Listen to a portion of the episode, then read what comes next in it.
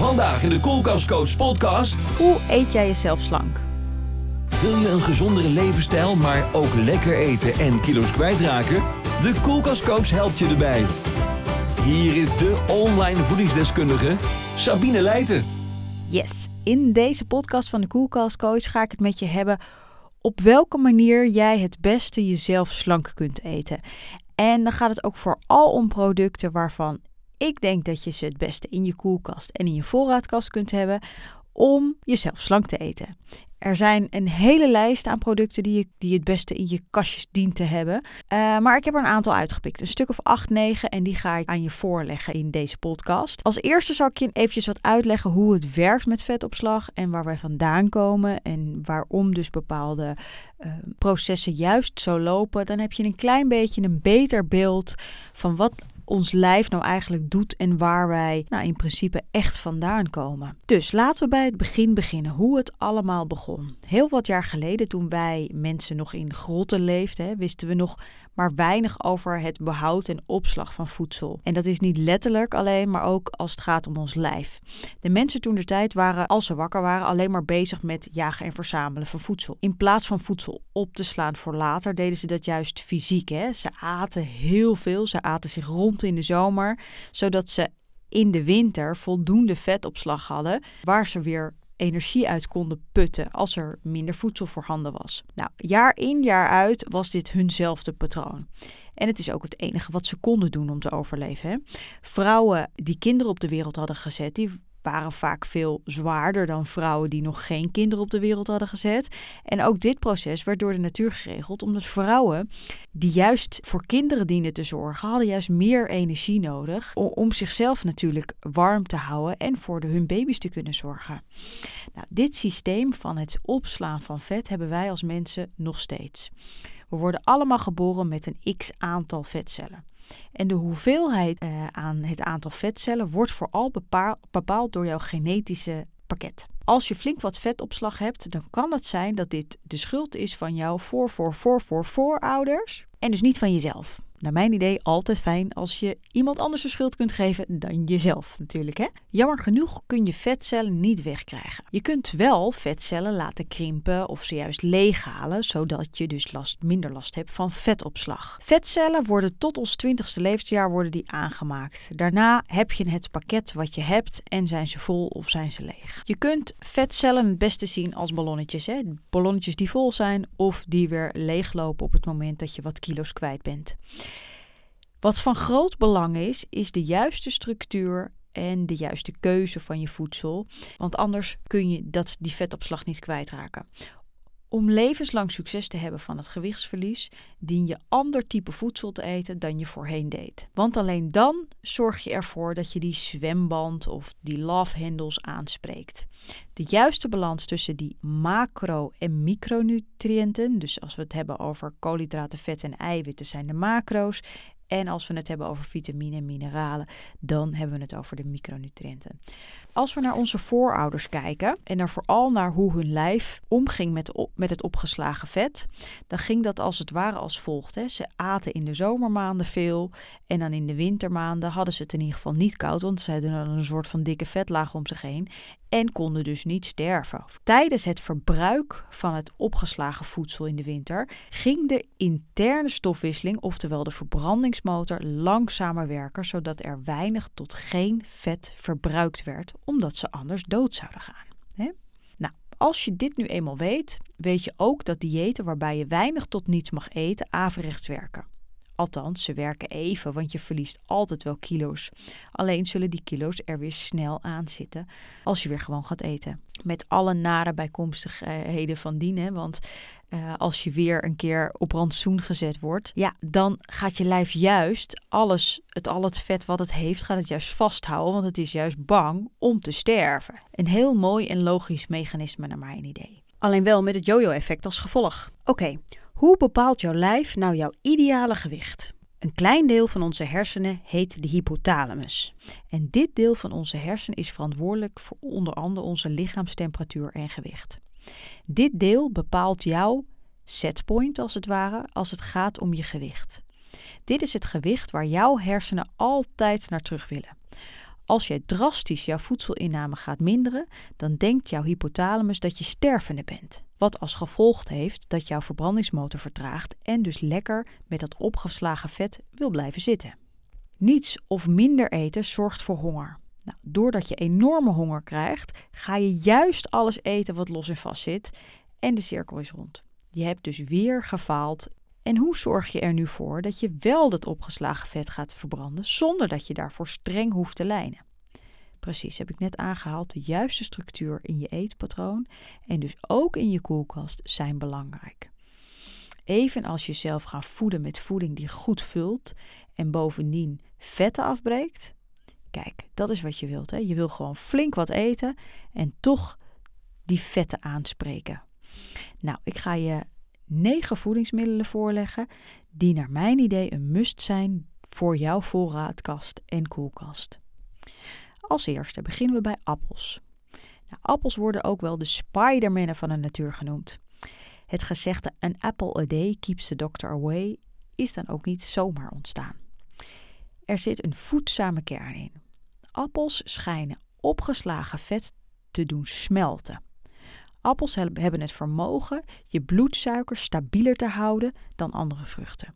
Appels staan in de top 10 van producten met veel oplosbare vezels.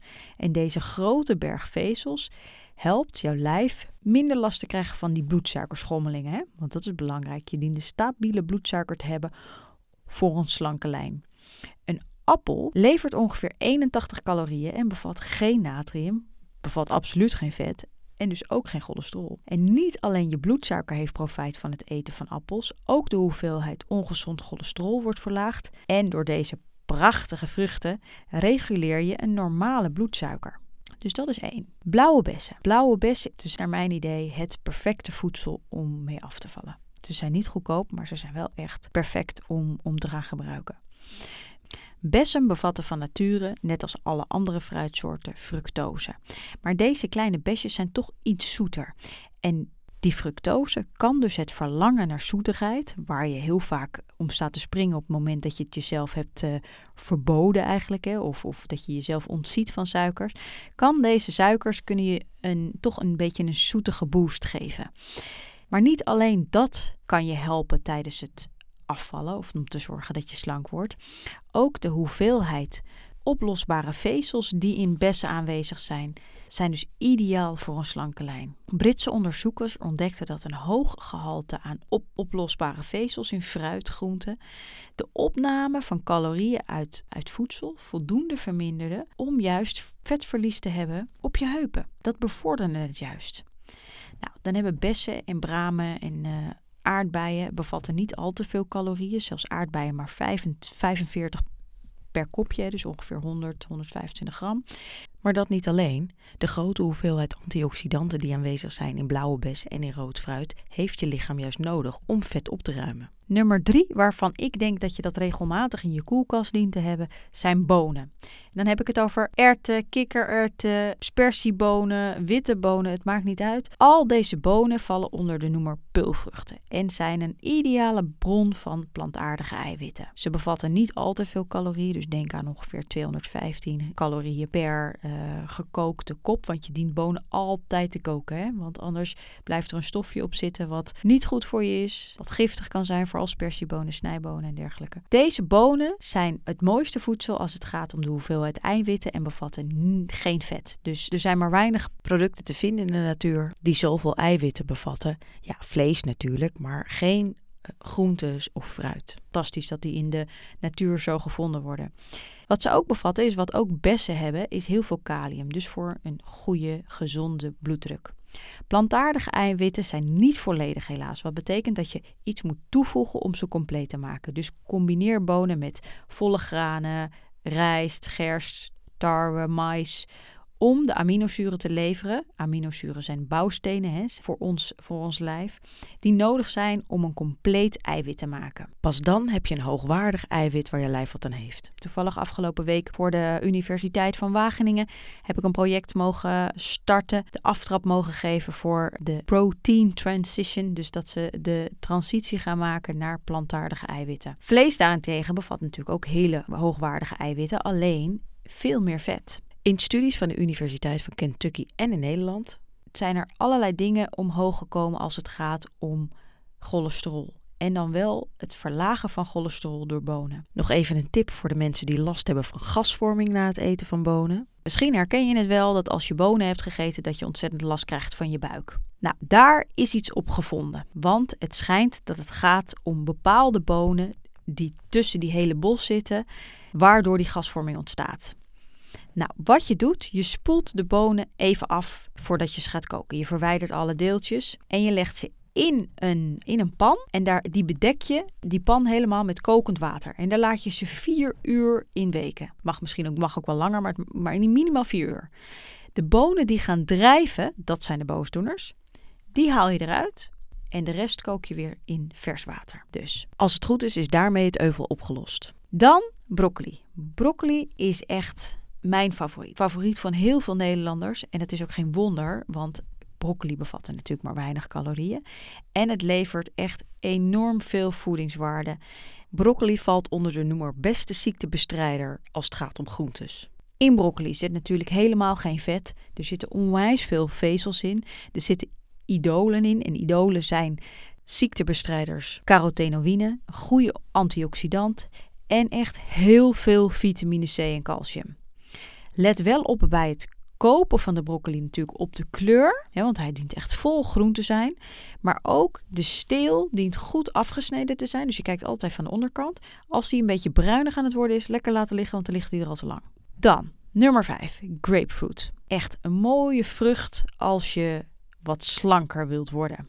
En dat is vooral aan de universiteit in Florida zijn ze daarachter gekomen dat grapefruit helpt vet op te lossen of te verbranden. En dat niet alleen, ook het slechte cholesterol wordt aangepakt door het eten van grapefruit. Grapefruit bevat ongeveer 74 calorieën, dus nog iets minder dan een appel. Plus het bevat pectine. Nou, Pectine is een soort vezel dat in verband staat met het verlagen van cholesterol en vet. Pectine is niet de enige positieve eigenschap van grapefruit, want er zit ook weer heel veel vitamine C en kalium in. Voldoende kalium heb je dus nodig voor een gezonde bloeddruk en vitamine C om ongunstig cholesterol en vetopslag te doen voorkomen. Ook is deze mooie oranje vrucht rijk aan galacturonzuur en dit zuur is de potentiële cholesterol en vetbestrijder. Iets wat ontzettend prettig is natuurlijk als je al last hebt van aderverkalking of hartaandoeningen, maar ook om deze te doen verminderen en om het ontstaan te doen voorkomen. Mocht je nou zeggen, ja, die uh, grapefruit, ik vind het echt helemaal niet lekker. Ik vind het hartstikke bitter of een beetje pittige smaak, scherpe smaak heeft het. Nou, probeer dan eens een beetje kaneel over je grapefruit te strooien en in plaats van suiker dan die grapefruit op die manier te eten. Die kaneel haalt namelijk die scherpe smaak een beetje eraf. Let wel op, grapefruit mag niet met alle medicatie, dus daar dien je wel even in te verdiepen. Nou, nummer 6 wat je in je kast dient te hebben is havermout. Ik heb al eens eerder een podcast gemaakt over havermout. En vandaar dat ik vind dat havermout een van de belangrijkste dingen is, of haverzemelen, om in je kast te hebben als je wat kilo's kwijt wilt. Bij een flink aantal proefpersonen in Kentucky, die verloren 3 pond in twee maanden door simpelweg 100 gram haverzemelen toe te voegen aan hun dagelijks voedingsinname. En dus niet iets anders te doen, gewoon hetzelfde te eten, maar gewoon iedere dag wat extra havermout. Als je dus een gezonder eetpatroon hebt, dan is havermout bij uitstek nuttig om te gaan eten. Ook al hou je er niet van, ga je zelf er toch maar toe zetten. Hoe komt dat dan? Hè? Waarom is havermout zo, zo geweldig? Nou, dat komt vooral doordat havermout enorme spierballen heeft. Je kan havermout dus niet vragen een sprintje te trekken. Havermout heeft trage of langzame koolhydraten, waardoor je bloedsuiker minder snel wordt beïnvloed en die langzaam worden opgenomen. Want doordat ze langzaam worden opgenomen, wordt er ook minder insuline aangemaakt en blijf je er dus langer bij. Nou, we hebben net al eventjes met de grapefruit kaneel aangehaald. Heb ik ook al een keer een, bloed, uh, een podcast over gemaakt. Doordat kaneel de bloedsuikerspiegelbalans stabiel houdt en de opname van koolhydraten vertraagt, kan kaneel helpen als je wilt afvallen. En het schroom wat in kaneel aanwezig is, zorgt juist dat je je verzadigd voelt. Hè? Dat je minder honger hebt. Plus, het maakt de gevoeligheid van je cellen als het gaat om insuline, maakt het beter. Daar heeft kaneel invloed op. En doordat je cellen dus beter reageren, hoeft er minder insuline aangemaakt te worden, waardoor je dus slanker blijft. Een theelepeltje van de Ceylon-kaneel per dag zou een voldoende hoeveelheid zijn om hier invloed op uit te oefenen. Ik zeg alle beetjes helpen, maar wel met mate. Dan zou mijn advies ook zijn om af en toe eens een beetje mosterd te gaan gebruiken. Mosterd en dan vooral de pittige, de hete, die je in de Aziatische winkels kunt kopen of in speciaalzaken. Die heeft invloed op ons metabolisme, dus op onze stofwisseling. Het is net zoiets als uh, cafeïne en als uh, efedrine. Het stimuleert namelijk je, je metabolisme, dus het versnelt het. En er zijn zelfs artsen die erachter zijn gekomen dat als je mosterd hebt gegeten, dat enkele uren nadat je mosterd hebt gegeten, dat die stofwisseling, die vetstofwisseling, 20 tot 25 procent sneller is dan daarvoor. Dus je lichaam gaat dus extra calorieën verbruiken nadat je dus mosterd hebt gegeten. Niet te vaak, maar wel af en toe. Hè? Hete pittige pepers vallen onder dezelfde categorie als mosterd. Tijdens een onderzoek kregen deelnemers slechts 3 gram chilipeper toegevoegd aan hun maaltijd. En dat verhoogde ook hun metabolisme, dus hun stofwisseling. Het verhogen van het metabolisme, van de vetstofwisseling, is als het ware een eigenschap dat uh, werkt als een soort van thermostaat. Er is niet veel voor nodig om het effect te creëren. De meeste salsa-recepten met 4 tot 8 chilipepers, dat is op zich niet heel veel, maar dat alleen al heeft al dit effect. Pepers zijn verbazingwekkend rijk als het gaat om vitamine A, C, calcium, fosfor, ijzer en magnesium. En bovendien bevatten ze ook weer enorm veel vezels. Dus af en toe een chilipepertje verwerken in je maaltijd is best een optie. Dan nummer 9 en dat is kokos. Kokosvet, geraspte kokos. Ik wil het vooral hebben over kokosolie. Kokosvet. Kokosolie heeft een positieve uitwerking op onze bloedsuiker. En doordat kokosvet of kokosolie geen insuline nodig heeft om zijn werk te doen, past deze vorm echt perfect in een gezond voedingspatroon. Kokosolie is een harde vorm van vet, dat klopt. En zou dus in principe slecht zijn voor je gezondheid. Maar kokosolie is hard van structuur, maar met 30 graden wordt het al vloeibaar. Ondanks dat kokosolie cholesterol bevat, het juist positieve effecten heeft op ons slechte cholesterol. Tussen aanhalingstekens slecht, hè, want we hebben van beide cholesterolsoorten hebben we wat nodig. Bakken in kokosolie. Kokosolie heeft de eigenschap niet te veranderen bij verhitting. En hierdoor komen er geen schadelijke stoffen vrij en oxideert het niet. Wat andere onverzadigde vetsoorten wel doen. Dus uh, neem uh, zonnebloemolie en dergelijke. Bij uh, die, die gaan namelijk wel oxideren en ontstaan er dus slechte vetten die juist hart- en vaatziekten en aderverkalking kunnen veroorzaken. Ik wil nog even één ding duidelijk stellen: dat de hoeveelheid calorieën in een product eigenlijk helemaal niet belangrijk zijn. Er zijn jammer genoeg nog een hoop mensen die zich laten verleiden door het tellen van calorieën. Het gaat juist om welke producten je eet. Dus als het gaat om een gezond eetpatroon, dan zijn die calorieën eigenlijk helemaal niet zo interessant. Het gaat juist om welke componenten je op je bord hebt liggen. Nou, ik hoop je iets meer te hebben verteld over een aantal producten waarvan ik denk dat je regelmatig deze producten eens dient aan te schaffen en in je koelkast en voorraadkast dient te hebben en te gaan toe te voegen aan je maaltijden. Tijdens mijn programma's, tijdens de Koelkast Coach Challenges komen deze vruchten en allerlei andere producten allemaal aan bod. En ga je ze ook regelmatig toevoegen aan je eetpatroon. Want alleen op die manier ga jij jouw eetpatroon verbeteren. Er zijn nog een hele lijst aan producten, maar daar kom je dan wel achter tijdens zo'n programma als je start met een van mijn programma's. Mocht we elkaar nog niet volgen op social media, dan kun je mij vinden op @dekoelkastcoach, waar ik ook regelmatig wat gezonde recepten en gezonde informatie deel. Dus check vooral @dekoelkastcoach op social media. Wil je zelf ook aan de gang met een gezondere levensstijl, lekker eten en toch kilo's kwijtraken? Bekijk dan alle online programma's op dekoelkastcoach.nl.